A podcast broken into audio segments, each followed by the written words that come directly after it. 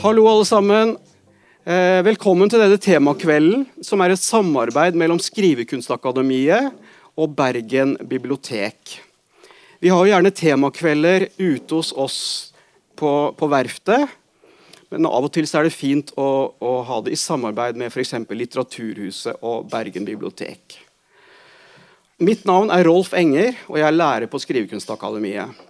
Og Det er en ekstra glede å kunne presentere kveldens tema fordi jeg har vært science fiction-entusiast helt siden jeg var 14 år omtrent. Og det har vært stusslig i norsk litteratur de senere åra når det gjelder akkurat den sjangeren. Men endelig har det kommet en ny norsk antologi som heter 'En strek gjennom tyngdekraften'. Den første norske science fiction-antologien på nesten 20 år. Kveldens gjester er Maria Dorothea Schrattenholz, og Ranveig Fern Leite Molve. Og henholdsvis Maria er da en av redaktørene for antologien og også science fiction-poet. Og Ranveig er en av bidragsyterne og også en forfatter som skriver innafor science fiction-sjangeren. Jeg skal ikke si mer nå enn at bare gi en skisse av hva vi skal gjøre i kveld. da. Og jeg tenker at jeg skal gi ordet til Maria først. Hun skal få lov å presentere arbeidet med antologien fra den spede start og idéstadiet helt fram til mottagelsen av boka. Presentere boka og forfatterne som er med.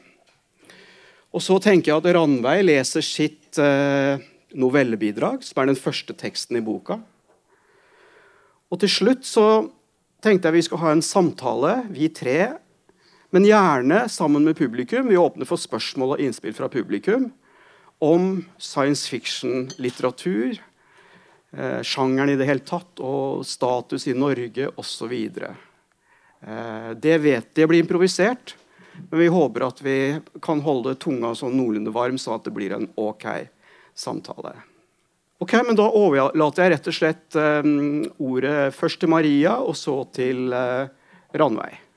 Hei. Uh, takk for at dere kom. Dette, den antologien, arbeidet med den startet for uh, over to år siden. Uh, og den som var initiativtaker, var da Joanna. som spurte meg og Frøydis om vi ville være med som medredaktører på en antologi uh, for uh, ny norsk science fiction, og vi sa ja til det. Uh, vi er jo alle tre veldig, veldig glad i sjangeren. og så begynte vi å tenke på hvem vi kunne invitere, og lagde oss noen lister med forfattere vi kjente til som har skrevet science fiction før, eller folk vi tenkte var interessert. Og og forfattet en invitasjonsmail, uh, og den var uh, ganske lang, som du sikkert husker. ganske omfattende invitasjonsmail da, med hvordan vi definerte science fiction, og at vi tenkte kanskje det kunne handle litt om alternative samfunn.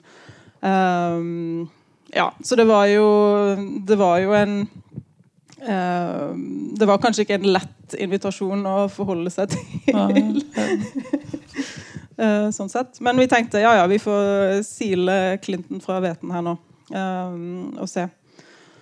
Og så fikk vi fikk vi en del tekster. Og det var på en måte en litt sånn organisk Jeg vet ikke hvor detaljert det skal være om på en måte den prosessen med de i startfasen og sånn. Men um, det som skjedde når vi begynte å få inn tekster, var at uh, noen av de forholdt seg jo ikke til science fiction.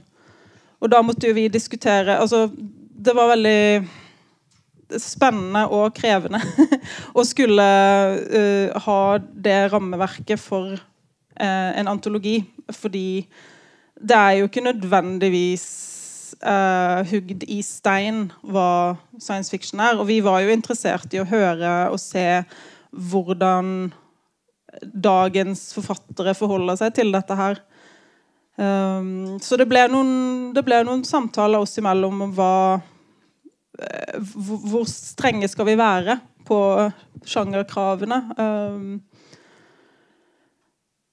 så uh, noen falt fra, og noen kom til, og det ble en sånn dynamikk i det. Og så jobbet vi i to år med disse tekstene og disse til slutt 15 forfatterne uh, og tekstene deres. Um, og det var jo et veldig omfattende arbeid, og vi visste kanskje ikke helt hva vi uh, gikk til. Eller vi skapte jo vår egen um, prosess underveis, da. For vi vi ble så oppslukt i alle disse tekstene, og vi ble så oppslukt i arbeidet, og vi ble så engasjerte, og vi hadde så gode samtaler at vi valgte jo også selv Det var jo ingen som tvang oss til å gjøre dette her. Det var jo ingen som tvang oss til å ha videomøter eh, hver eneste helg og diskutere disse tekstene. Vi gjorde jo det av eh, entusiasme og engasjement, og fordi det var lærerikt for oss, og fordi det ga oss veldig mye. Um, så, ja. Men eh, Joanna var jo den som på en måte hadde klart å holde struktur på dette. her, og det her var jo i løpet av de to årene med covid, ikke sant? så alle satt jo i hver sin uh, hule og styrte. sturte. Så dette ble jo høydepunktet i uka vår, å jobbe med, med, tekstene. Hvor vi leste I starten leste alle alle tekstene, og så lagde vi tilbakemeldinger sammen. Um, hadde dere et grønt lys fra et forlag eh, ganske tidlig, eller jobba dere liksom først bare dere, og så gikk dere til forlag?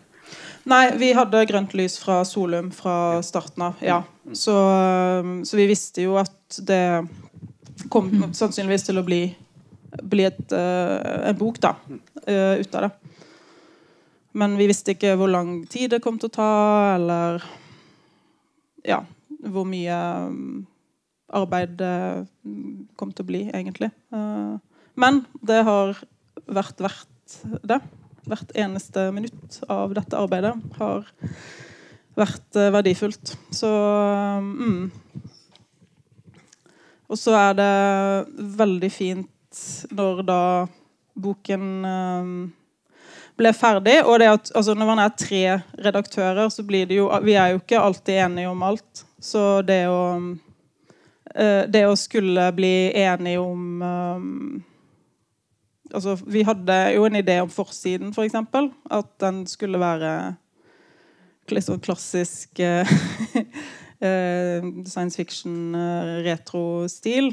Um, men ja. Det, altså, alt har tatt en del runder. Da. Alt har tatt uh, Alt har vært oppe til diskusjon. Alt, det er ingenting som er liksom tilfeldig her. Alt har vært oppe til vurdering eh, hos tre stykker. Så, uh, så et, uh, et, samarbeidsprosjekt i sin ytterste konsekvens har det vært. da. Det er veldig, veldig givende. Og det at man kan da utfylle hverandre på de forskjellige områdene. da. Så, og, ja, og det er veldig gøy når den nå er ute, at den har blitt lest, fått anmeldelser, omtaler. Um, faller i, eh, i god eh, jord. Mm. Kan du si litt om uh, spennvidden, Jan? Og hvilke typer tekster var det dere fikk inn? Og det er jo veldig mange forskjellige undersjangre da, kan man si, innenfor science fiction. Det både, og det er jo også formelt sett både noveller og dikt. ikke sant? Så ja. ja. Du sier litt om spennvidden og typen tekster, kanskje. Ja, øh, det var et krav at det skulle være øh, altså skjøn, nyskrevne tekster som ikke er, har vært på trykk andre steder. Og at de skulle være hel, helhetlige. Ikke en del av noe større. Ikke romanutdrag eller sånne ting. Men ellers så var det jo veldig gøy å få poesi. Uh, også få en blanding av, uh, av, noveller og poesi. Og bokmål og nynorsk og språklig lek.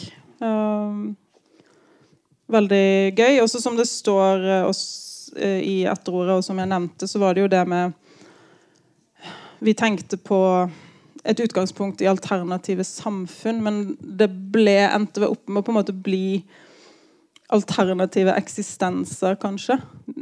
Mye. Man har androider, og man har uh, Man har jo en del klassiske liksom, science fiction-elementer, og så har du jo disse Sigbjørn Skåden sin uh, mer sånn urfolks uh, slipstream og spøkelse, mm, spøkelsesdikt, skulle jeg si. Mm. Så um, spennvidde.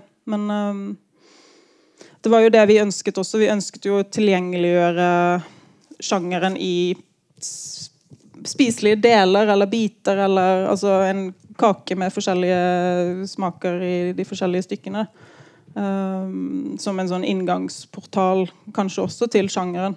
Uh, og det at kanskje mange tror de vet hva science fiction er, og tenker at ikke det er så aktuelt for de, eller uh, ikke kan være litterært, eller kvalitet, eller har et uh, unødvendig snevert syn på, på sjangeren, så ville vi jo vise at her kan man operere innenfor ganske, ganske mange nivåer, og man kan, man kan få sagt veldig mye uh, gjennom science fiction. Da. Ja, fint. Du var inne på hvordan boka har blitt mottatt. og Fins det et, et, eh, kritikerapparat der ute? Jeg har jo sjøl skrevet et essay hvor jeg kritiserer at folk som egentlig aldri har lest science fiction, anmelder science fiction. Og det blir ofte veldig eh, halve lesninger. Så har dere vært offer for det, eller eh, har liksom mottagelsen vært kompetent? Fordi at ja, eh, science fiction har liksom vært en slags sånn undergruppe eller litt sånn uglesett sjanger i den offentligheten. Og mange kritikere har ikke noe forhold til sjangeren, men de får likevel jobben med å skrive kritikker på science fiction-bøker. Hvordan har det vært, det bildet, eh, når det gjelder mottagelsen? Altså, jeg føler jo at så vidt, altså Mitt inntrykk er at boken uh, og tekstene har blitt tatt på alvor som tekst og som litteratur. Og det er jo veldig gledelig um, å se.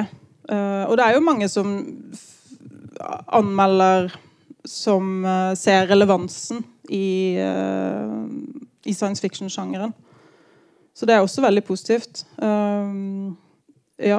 Uten at jeg har full oversikt over de forskjellige anmeldelsene. Men har du, har du sett noe du har reagert på? jeg syns jo kanskje Ja, ja. Nei, jeg, er jo litt sånn kre, kresen og krevende på det. da At ja, det noen bra. av lesningene har jo vært tydelig preget av at folk eh, ikke har så, så, lang fartstid i sjangeren. liksom At de leser det på en måte med mainstream-briller. Men, ja. men absolutt de kritikkene jeg har lest, veldig velvillige. Og en forståelse for ja, altså sjangerens uh, politiske potensial, uh, de tingene der. Uh, det å beskrive samfunnet og samfunnsutvikling var det vel en som var inne på. Så alt i alt, jo. Mm. Ikke så verst. Nei. Ja, nei. Mm. Men jeg, jeg, er jo ikke det spiller ingen rolle. Jeg er jo opptatt av hva dere som har laga antologien, har opplevd ja. av mottagelsen, og kanskje eh, om man har uh, solgt noe særlig. altså sånn. Ja, den har blitt uh, godt ja. mottatt. Men det, det jo, altså, du har jo rett i det du skriver i essayet ditt.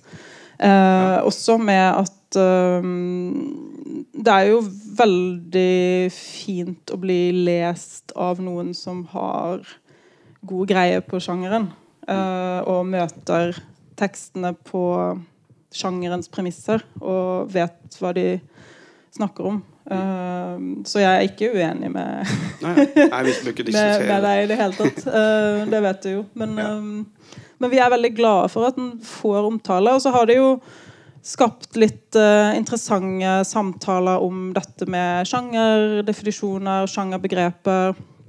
Uh, og ved Universitetet i Oslo så er det jo uh, et program som heter Co-Futures, hvor Marta Tveit tar en doktorgrad i science fiction-studier. Og hun lanserte i, hadde et innlegg i Klassekampen hvor hun lanserte begrepet undringslitteratur um, som en paraplybetegnelse på ikke-realisme. Um, for å erstatte fabelprosa, f.eks. Altså, det, det har kommet flere nyanser av debatt også den siste tiden, som handler om både sjangerens innhold og om sjangerens eh, teoretiske aspekter.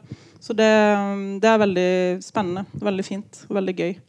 Og at kanskje yngre generasjoner av skrivende ser at ja, det er masse Det er lov. Det er, eh, det er bare å gønne på hvis du er opptatt av uh, science fiction, av vitenskap, av uh, romfart eller teknologi eller alt dette her som vi jo nå lever midt oppi på mange måter og har lyst til å utforske og si noe om samfunnet og si noe Det har jo politisk sprengkraft, det har jo Du kan si mye om sosiale forhold, du kan si du kan egentlig si alt i science fiction. Det er jo det som er fantastisk med den sjangeren. At du får Du kan ta for deg alt eh, realismen tar for seg, men du kan også si så mye mer på et mer universelt, eh, allmenngyldig plan. Så um, det er fint å få vist det også, de mulighetene. Du er jo godt belest innenfor både vitenskap og science fiction. Var det noen av tekstene som overraska deg positivt sånn idémessig, og som liksom ga deg en impuls som du syns var veldig god eller uh, fruktbar? Ja, vi, det, vi tre um, redaktørene hadde jo og forskjellige liksom, favoritter. Uh, men uh, altså, Jeg liker jo alle tekstene. Men uh, jeg syns, uh, Sigbjørn Skåden sin er veldig, er veldig fin. den er veldig spennende. Um, filosofisk. Eh, med det liksom mimetiske og igjen, kopien og det originale. og der er det, Den syns jeg er veldig spennende. Den, eh, den, liker jeg veldig godt. Eh, en av mine personlige favoritter. Mm. Jeg likte Bjørn Vatne sin. For det ja. var sånn helt filosofisk, veldig original tekst om, som da diskuterer Som foregår i en verden hvor ingen er enige om hva som er opp eller ned, eller høyre eller venstre, eller øst eller vest. Så de diskuterer jo det hele tida. Ja, en slags kubeverden eller noe sånt. Nå, eller, ja. ja. uten, eh, uten tyngde. Den, den syns jeg var fin. Og så er jeg veldig begeistra for Katrine Knutsen sin. Eh, det er jo en trope, da, dette med androider, men jeg syns hun gjør det der så fint. Og den er så velskrevet og gjennomarbeidet. Mm. akkurat den teksten. Mm. Så der er det folkens eh, masse godsaker å fordype seg i og lese. Mm.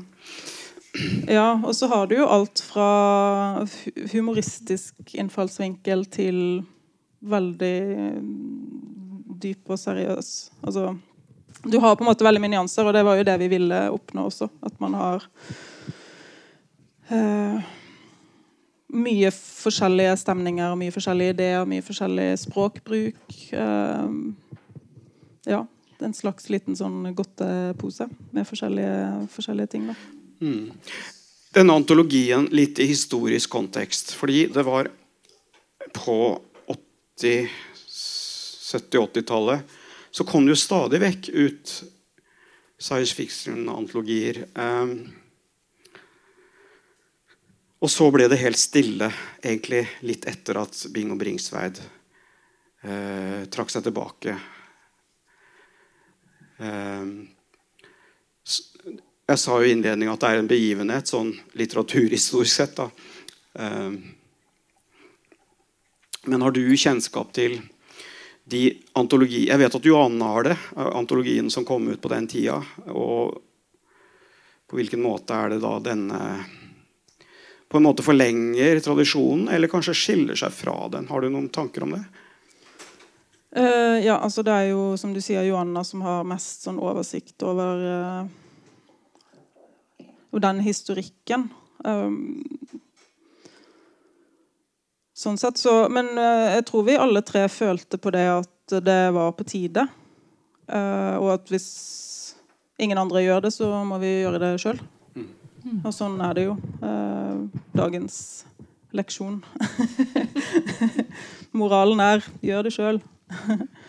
så um, så det var vel det. at liksom, ja, Hvorfor, hvorfor fins ikke det?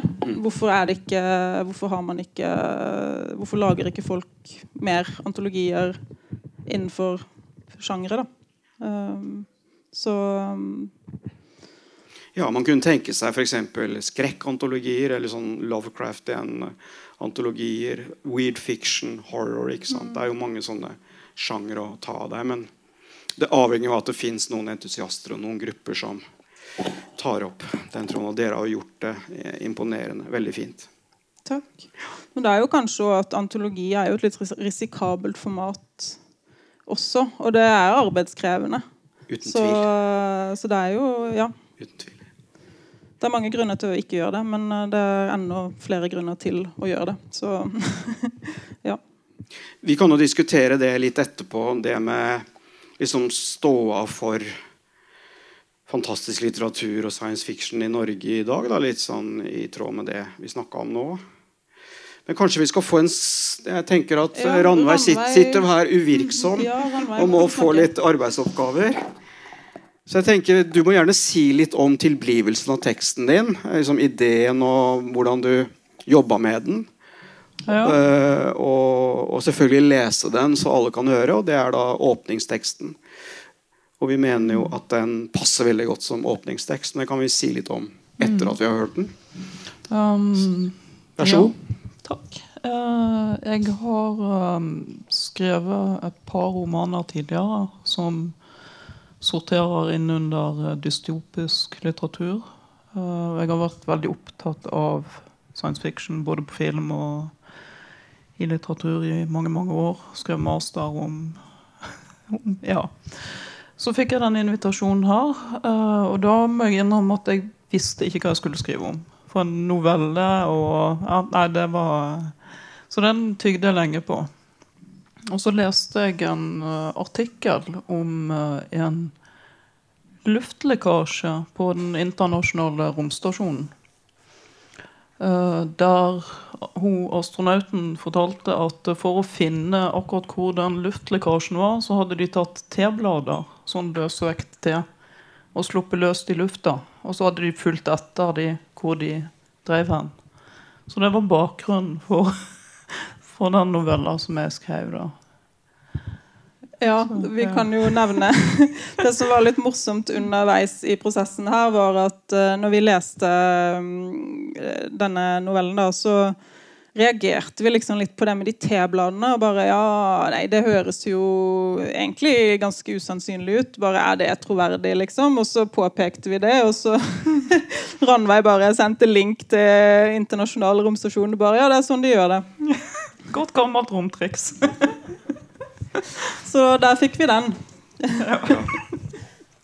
Og da tenkte jeg at det var Det har jeg jo litt lenger inn i framtida enn uh, ISS er nå.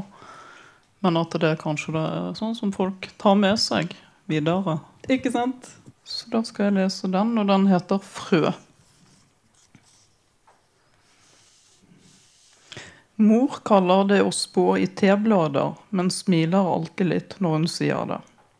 Hun gjør det hver morgen. Darjeeling er best, sier hun, men rooibos kan også brukes. Jeg tror det er fordi hun foretrekker lukta av Darjeeling, at den minner han om noe, noe som ikke gjør vondt å tenke på mer. Hun tar ei lita klype, holder de små tørkede bladene inn i handa, sier at nå må vi være stille, holde oss fast, bare ligge helt i ro og flyte. Så åpner hun handa. Først skjer det ingenting. Hun beveger handa så vidt, og tebladene stiger opp. Noen grønne, noen lys rosa. De fortsetter å stige og driver av gårde mens hun følger nøye med. De siste dagene har de beveget seg raskere. Nå glir hun etter dem. Ett og ett trekkes mot et veggpanel ikke så langt fra ifra sluse fire. Det var det jeg tenkte, sier hun. Vel, da vet vi det. Og hva vi må gjøre. Det er ennå mange dager til vi er framme, og en luftlekkasje kan ødelegge alt. Hun sier at vi får holde oss i det andre rommet og stenger slusene. Tar på seg alt utstyret, dressen, hjelmen. Bare for sikkerhets skyld, sier hun. Dette skal gå fint. Jeg vet hva jeg gjør. Hun åpner panelet. Vi forsøker å se på henne gjennom gluggen i slusa, men det er for trangt for de tre hodene våre til at vi kan se gjennom den samtidig. Vi skubber litt i hverandre. Broren min dytter meg, jeg dytter hardere, og han glir bort. Mor forsvinner delvis inn i veggen. Vi ser beina hennes, men ikke hva hun gjør. Hun bruker veldig lang tid før hun endelig hekter panelet på plass igjen. Først nå snur hun seg mot oss, og vi tror hun smiler. Dagen etter har hun samlet sammen klærne våre, undertøyet, alt flyter rundt henne. Selv henger hun oppunder taket, beina foldet over hverandre. Skredderstilling, sier hun, det er det det heter, og det er vel passende for slikt arbeid. Hun løsner sømmene forsiktig, trekker ut de lange trådene som holder plaggene sammen. trådene driver rundt henne, noen røde, noen svarte. Så syr hun plaggene sammen igjen, samtidig som hun legger små forseglede poser med frø under faldene. Hun bruker ørsmå sting for at sømmene skal bli helt tette. Hvorfor gjør du det, sier vi, det er jo masse frø i hvelvet. I tilfelle vi kommer bort fra hverandre, sier hun. Bort fra hverandre, hva mener du? Nei, du vet, sier hun, en vet jo aldri. Vi forstår likevel ikke hva hun mener, men hun smiler ber oss om å samle sammen noen av plaggene som holder på å drive ifra henne. Frøene er hurtigvoksende, går fra spire til noe spiselig på bare et par uker. Søstera vår tygger litt på håret sitt, spør om dyrene der er store. Kanskje, sier mor. Jeg tror det, noen av dem. Vi har bare sett smådyr ennå, men det er enorme områder vi ikke vet noe særlig om. Er noen av dyrene farlige, spør søstera vår. Det vet vi heller ikke, sier mor. Men det er mange av dem. Når hun har gjort en søm ferdig, folder hun trøya eller buksa sammen, legger dem i et nett som er festet til veggen. Takk, sier hun, og jeg gir henne en grønn undertrøye. Hun stryker meg over kinnet langs armene mine. Sukker. Slike lange armer, sier hun, og bein. Dere er altfor lange, bare sju år, men ser allerede ut som om dere er flere år eldre. Men ikke noe å gjøre med det. Det er jo ikke som om dere var planlagt heller, hva skulle jeg gjøre? Jeg svarer ikke. Lar henne stryke meg mens jeg drar meg tettere inntil henne, holder meg fast. Hun lukter te. Jeg åpner øynene. Parker er rett foran meg. Han er svart og grå, Brystet er mørkest, mer skimrende. Vingene hans slår langsomt, mye langsommere enn slik fugler vanligvis flyr. Det er fordi han er vektløs, har mor forklart. Han stiger og synker, og samtidig kan jeg følge hvert eneste slag han gjør med vingene, se akkurat hvordan de beveger seg. Mor sier at det ser vanskeligere ut når han beveger seg enn fugler som flyr der tyngden trekker dem mot bakken. For oss er det lettere å være vektløse, mens fuglene, nei, fugler synes å anstrenge seg mer. Parker ser alltid ut som han vil si noe. Han åpner og lukker nebbet, men han kan ikke snakke, ikke engang synge, slik fugler egentlig skal. Han var en av fuglene i de store gjenskapte flokkene som fløy over byene ved soloppgang og solnedgang. Mor sier at han kom bort fra flokken og landet ved sida av henne på ei trapp, og hun tok ham med. Lot han hoppe opp på skuldra, og etter det har han alltid vært der hun er. Broren vår våkner også. Søstera vår sover fortsatt. Det mørke håret hennes glir foran ansiktet. Hun skyver det bort, snur seg litt, men åpner ikke øynene, fortsetter å sove. Vi nærmer oss. Mor har gjort seg ferdig med klærne, og når vi har spist, skifter vi til plagg med frø. Ikke mange timene igjen nå, sier hun. Broren var hjemme så i lasterommet, nede mellom store kasser med utstyr og bygningsdeler. Men mor finner ham lett og trekker ham med seg mens han spreller halvhjertet. Ingen av oss liker sprøytene, og den kalde svien i armen og beina etterpå. Men hun sier vi må for å bli sterke nok. Hun har også forsøkt å forklare oss hvordan det føles å gå på bakken. Sier tyngdekrafta gjør at vi kommer til å kjenne kroppene våre på en helt annen måte enn før. Vi gleder oss til regn. Mor sier at ingenting lukter bedre enn lufta etter at det har regnet. Takk.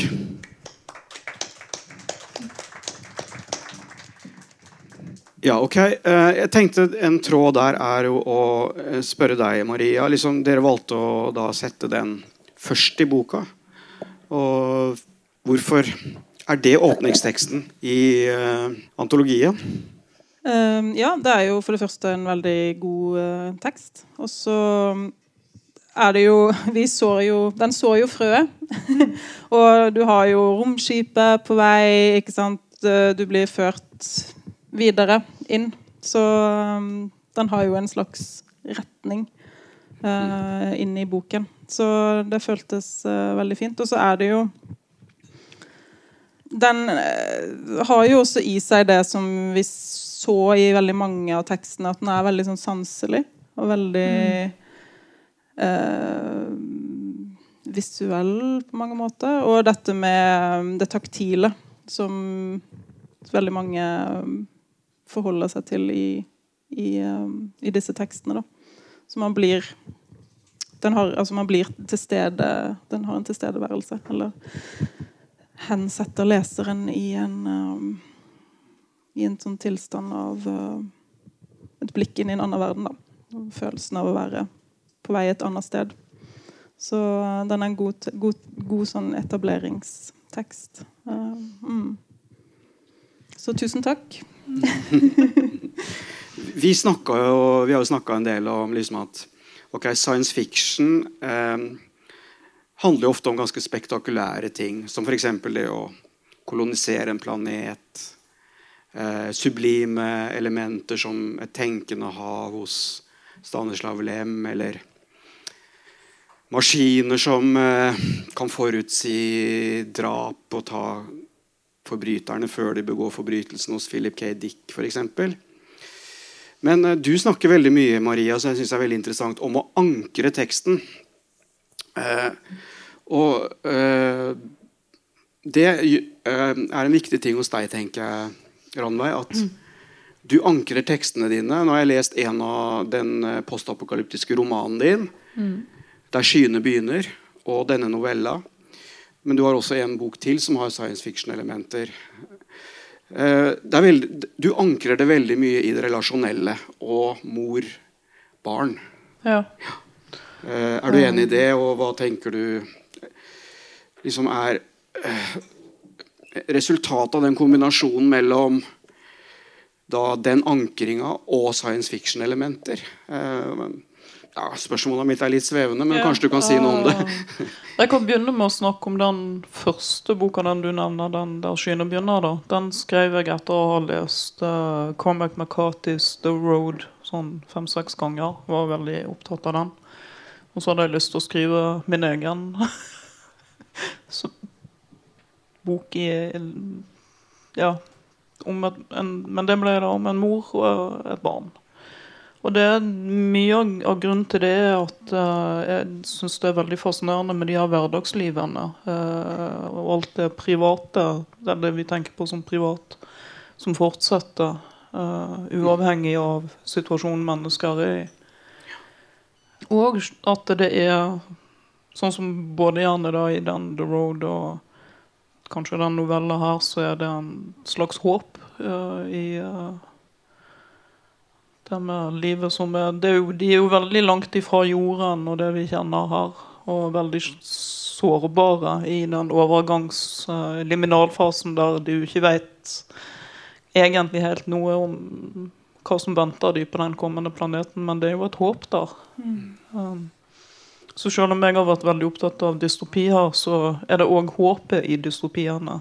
At det ikke, det er ikke bare svart. eh, og Veldig fint. Så vi begynner, eh, vi begynner med håpet. Ja.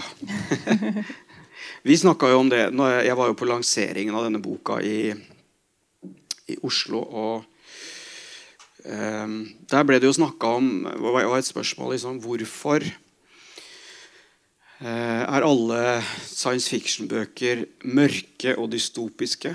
Hvorfor er det så vanskelig å skrive en utopi? Eh, om, er, om, et godt samfunn, f.eks. Kanskje dere har eh, noen tanker rundt det? Når vi først er inne på det sporet.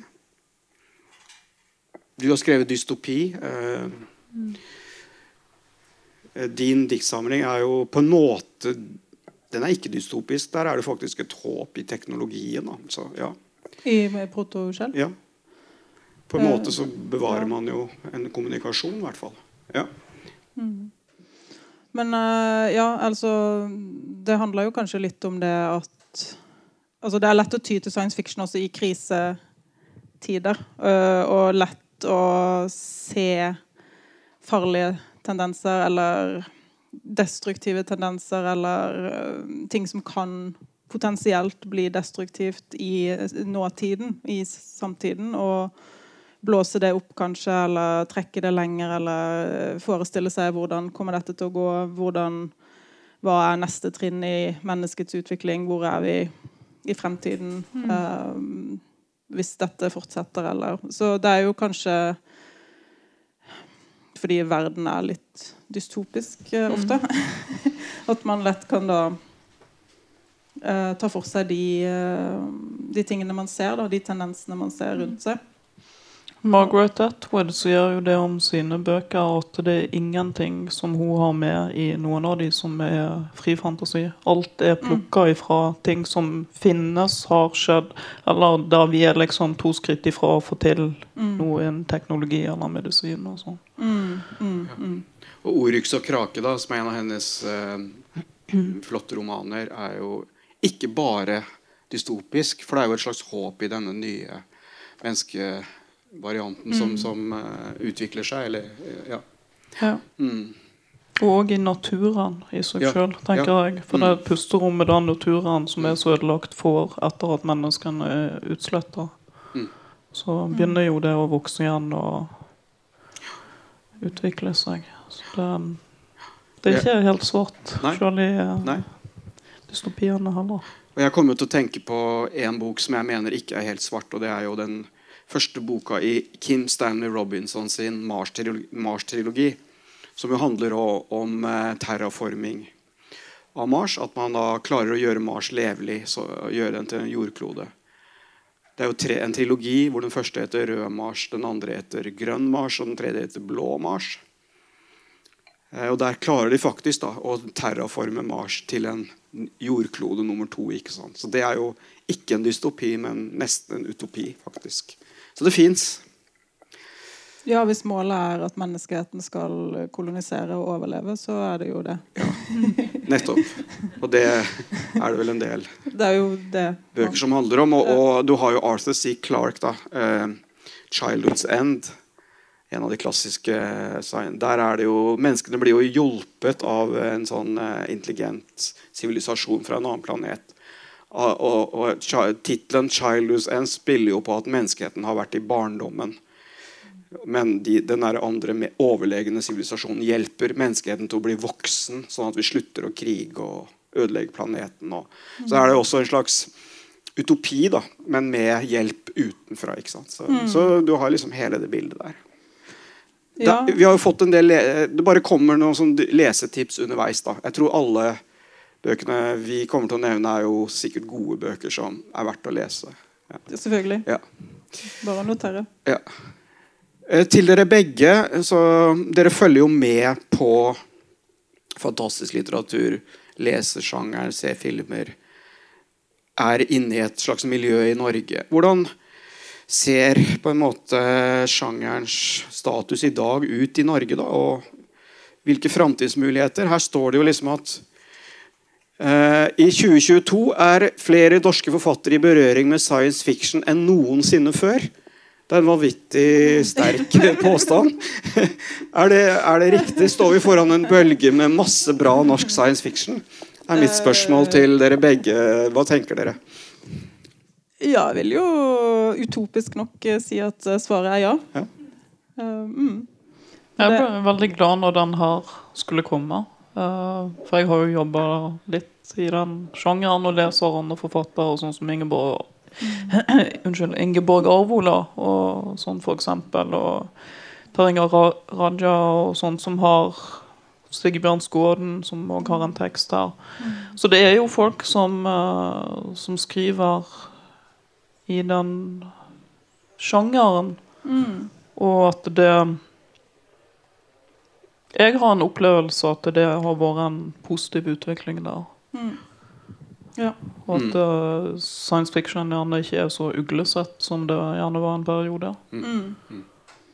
Ja, det er vel fordi man ser mm, bredde og mangfold Ja. i, i det.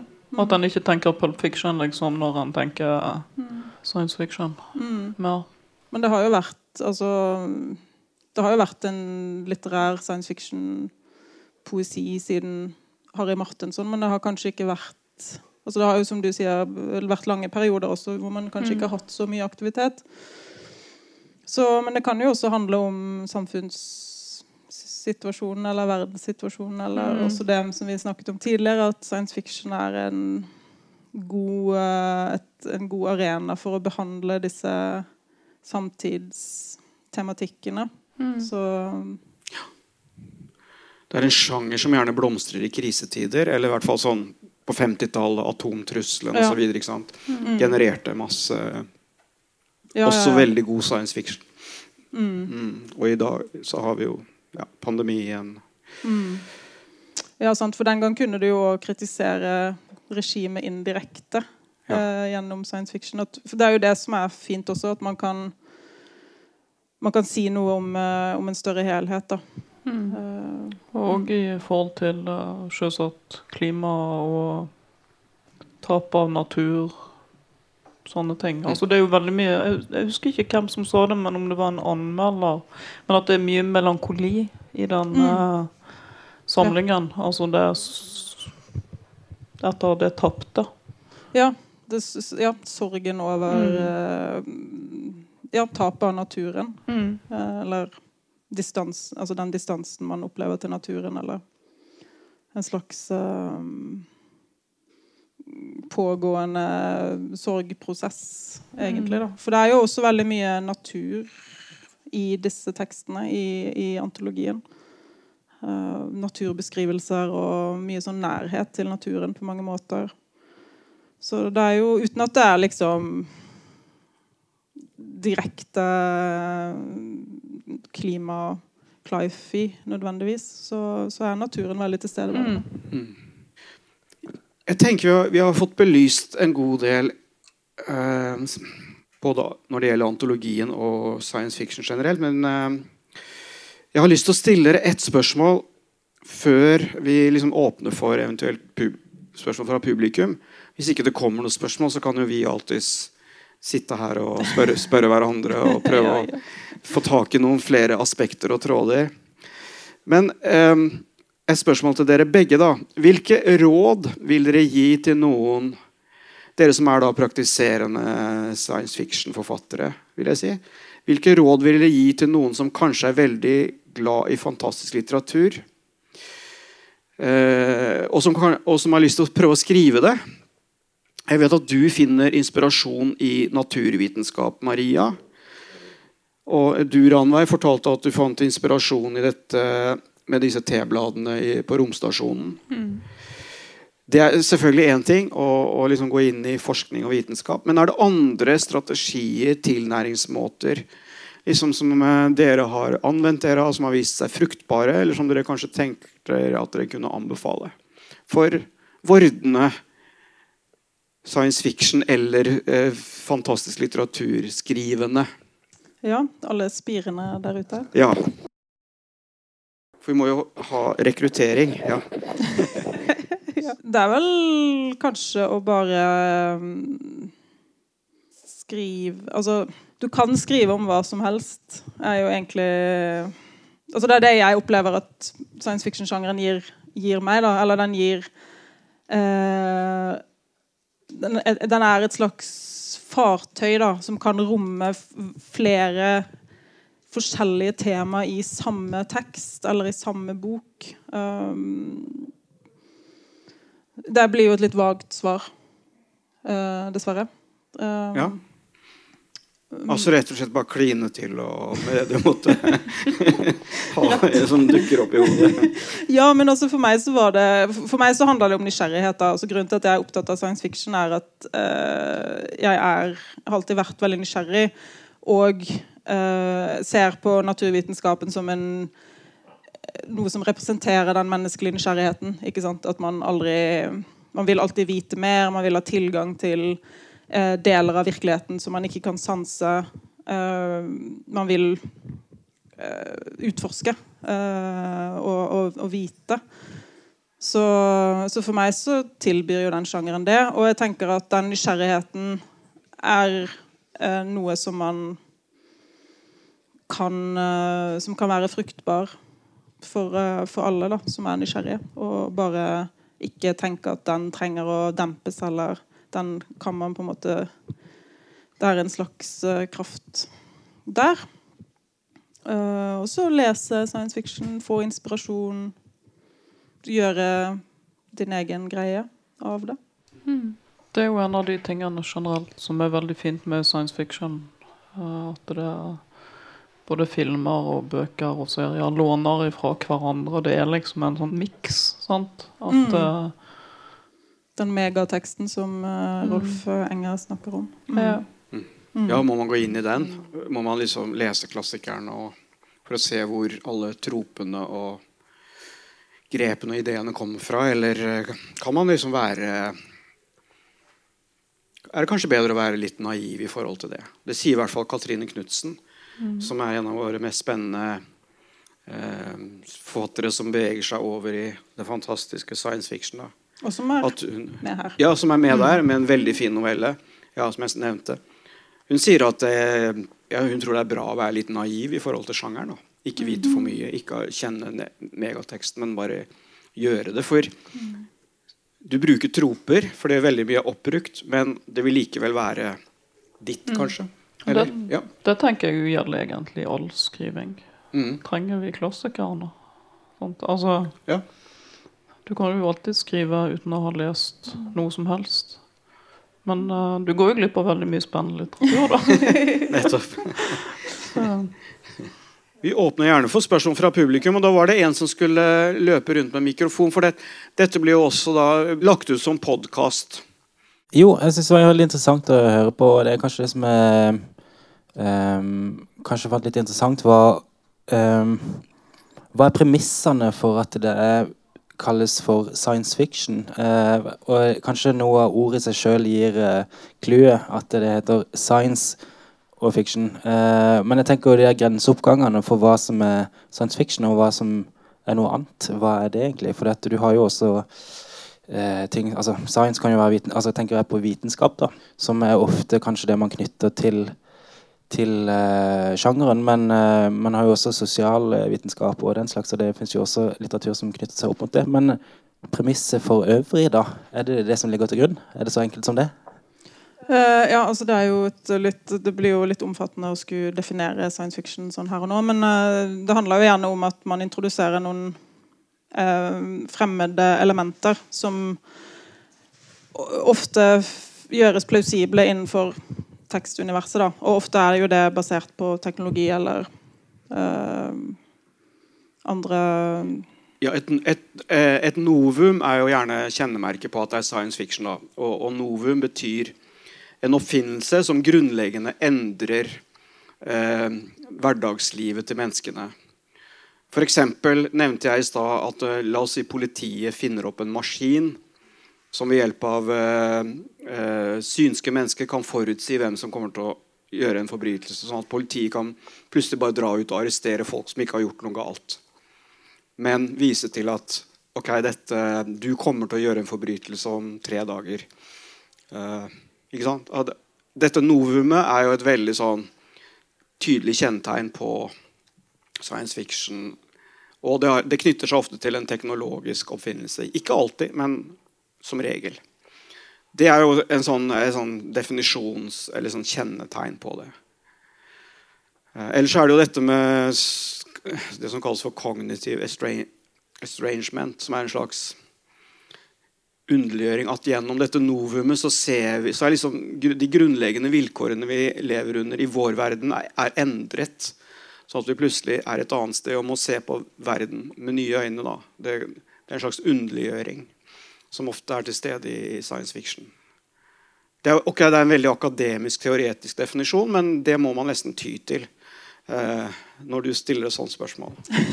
Eh, men så, ellers så vet, merker man jo veldig da, altså, eh, De der fantastiske sjangerne. Hvis du åpner en bok, og det er et kart foran, så vet du at det er fantasy. ikke sant? Science fiction, hvis det er noen sånne planeter og sånt her, så, eh, eller noe sånt, så kan du liksom gjette med 80% sikkerhet at det er science fiction. Ja, det handler jo noen ganger om, også om estetikken. Ja. Eh, mye, da. Så, så, men det er jo eh, selvfølgelig veldig mange glidende overganger, og det er jo noe av, det, av den diskusjonen som har vært spennende.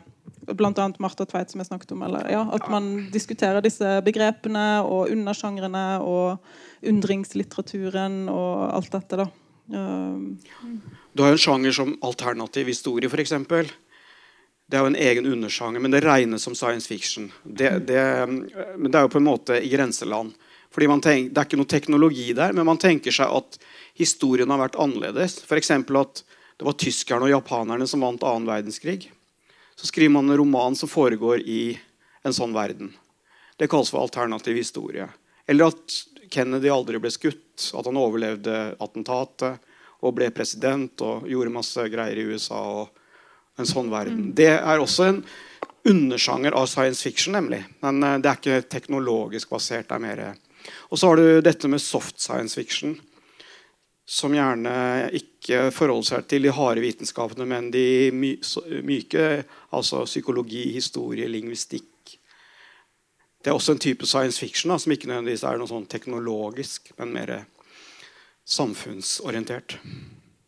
har du, Ranveig, noe å tilføye? Siden at du er jo inne i sjangeren. Ja, Um, Nei, jeg bare kom til å tenke på en, uh, en av novellene her. Det er når du nevner skrift. Og den uh, De små androidebarna som uh, Da det blir avgjort om du er menneske ut ifra om du kan liksom Håndskrift. Om du kan håndskrift. Mm. Da, Mm. Ja, det, ja. plutselig så var det liksom noe veldig sånn der eh, stort og spesielt. Sant? Hva er, ja, Mm. hva er det menneskelige? Og hva er det ikke-menneskelige? Ja. Er det andre spørsmål fra salen, så er jo det gledelig. Er det noen som skriver på noe science fiction? Vi har jo lyst til å lage en del to. Der svarte du på et spørsmål som jeg hadde planlagt å, stille, som jeg har satt på lista mi. Om du vil gjøre dette her igjen, og om det kommer en oppfølger. Men du Ja. svarte jo på det. Ja, selvfølgelig vil vi, Ja. Mm. vil vi det. Um, vi må bare hvile Ja. et par år. ja. Men uh, nei, ja, vi, vi driver jo og snakker Vi snakker jo litt om det sånn ja, neste gang. Og, mm. Så uh, det hadde jo vært veldig gøy om det ble en tradisjon. Så ja. Jeg ser gjerne at det kommer en, en bølge å se fram til. Å lese det som kommer av norsk science fiction. Og jeg er veldig glad for å kjenne folk i miljøet og sånt. Og kunne dra på lanseringer av en antologi på sånn den Stanislav Lem-festivalen som var i Oslo. Det, det, det rører seg, det skjer ting. Så for all del, dere entusiaster, ta altså, gå på arrangementer. Engasjer dere. Det er vel, eh, så at det oppstår et miljø. Jeg syns det er fint å tilhøre en sånn litt sær minori minoritet. da. Også, på en måte. Men, eh, ja, det gjelder jo eh, men den kan, det skal den kan ikke bli helt Den kan ikke liksom være helt under buskene, langt inne i skyggene heller. Så det er fint at det blir litt ja, lys, lys på sjangeren, da. Mm. Jeg føler jo at det har vært en utvikling da. Vi- snakka om i stad når vi møtte hverandre først for et par Ja. og 20 år siden på Skrivekunstakademiet. Ja. Jeg tror ikke vi snakka mye om sci-fi eh, på Skrivekunstakademiet den gang. Nei, det er nettopp fordi jeg begynte å jobbe på Skrivekunstakademiet i 2011. og og jeg ba om å få lov å ha et sånt kurs i fantastisk litteratur. Et lite kurs på bare to dager. Nå er vi utvidet det til tre dager, da, så vi har kommet et skritt videre. Bra jobba. Veldig bra jobba. Men ja, uh, men ja så sånn, tilbake til å kanskje gi et råd til, råd til uh, de som skriver, så gjelder det jo å finne sine folk. da, Finne de som er interessert i det samme, og kunne utveksle ideer og lese hverandre og snakke. For det er jo det som er fint med med disse festivalene og lanseringene og miljøet. sånn At man kan utveksle ideer og man kan uh, få innspill og nye tanker og, og ideer. Da. Mm. Så kjempeviktig. Veldig viktig. Mm. Så finn, Samme hva du er interessert i, så finn din gjeng. Det syns jeg var noen fine avsluttende ord. egentlig. Nå har vi holdt på en drøy time. Så jeg tenker at hvis ikke det er flere spørsmål fra salen Helge, ok. Jeg var veldig nysgjerrig på sci-fi-poesi. Jeg hadde egentlig veldig lyst til å høre et eksempel på det. Det må du svare for, Maria. Det er du som er science fiction-poeten her. Ja, du, eh, Hva er spørsmålet, da? Du vil høre science fiction-poesi? Uh, fra, fra antologien. OK. Uh, skal vi se Hvem skal vi ta da? Altså, du kan jo bare kjøpe antologi. det, føles, det føles litt rart å lese noen andres dikt. Det har jeg aldri egentlig gjort før. Uh, men hvorfor må jeg lese? Du har jo med deg Atlaspunkt. Kan du ikke lese noe fra den? Ja, Eller? men det blir jo det, ja. det, min snikreklame for min første jo, men, uh, det kan du godt gjøre, Maria, siden du er her. Men det blir jo ikke fra antologien. Det blir, men det blir science fiction-poesi. Ja, da får du litt science fiction-poesi her, og så kan du kjøpe den etterpå. Eller uh, i, på bokhandelen. Når den tid kommer, så på bokhandelen, så kan du lese Ja. OK, jeg gjør det, hvis det er greit for alle. Vi har aldri trengt å flykte Hvorfor skulle vi det? Trykket holder oss sammen. Vi har varme, vann, ydmykhet. Vi har vegger, tak, varsomhet. Hverandre, slekt, et land. Arkadia, Planitia, Memnonia, Mars. Vi samler oss i det største rommet for å fortelle historiene på nytt. Om flukten, skipene, dem som døde dem som ble igjen, dem som kom frem, dem som ble oss. De store fartøyene stakk nåler av liv ned i den rødtørre sanden. Her var vi først få, så vokste vi til det vi er nå. Tenkerne sa, du er ikke menneske hvis du ikke kan tilpasse deg. Gjennom teleskopene ser vi planeten Jord glitre av aske. Vi kan historiene, men vi har aldri vært der. Jeg legger øret mot teleskopet. Syns jeg hører hvisking. Jeg trengte en grunn for min sorg, så jeg drepte min mor. Vi lever av andre næringsstoffer. Flytende aminosyrer, syntetisk fett, fortettet. Men jeg drømmer. Drømmer at jeg forstår deg. Det tar mange millioner år å bli født. All tiden det tar å bli til. Du er dekket av jord, aske, støv. De sier 'jeg kommer fra deg', men jeg har aldri berørt deg. Har glemt gravitasjonen din. Så dette er da menneskene som sitter på Mars og ser gjennom teleskopene tilbake til eh, jorden, som uh, de ikke har vært på, for de er født på Mars og lengter tilbake. Så uh, det var litt poesi. En veldig fin avrunding. Det var, da har vi fått høre dere begge lese. Så vi avslutter her. Tusen takk til Ranveig og Maria. Tusen takk til publikum som kom og hørte på, og som stilte spørsmål og virka engasjerte. Så da er vi til veis ende i denne seansen. Takk for i kveld.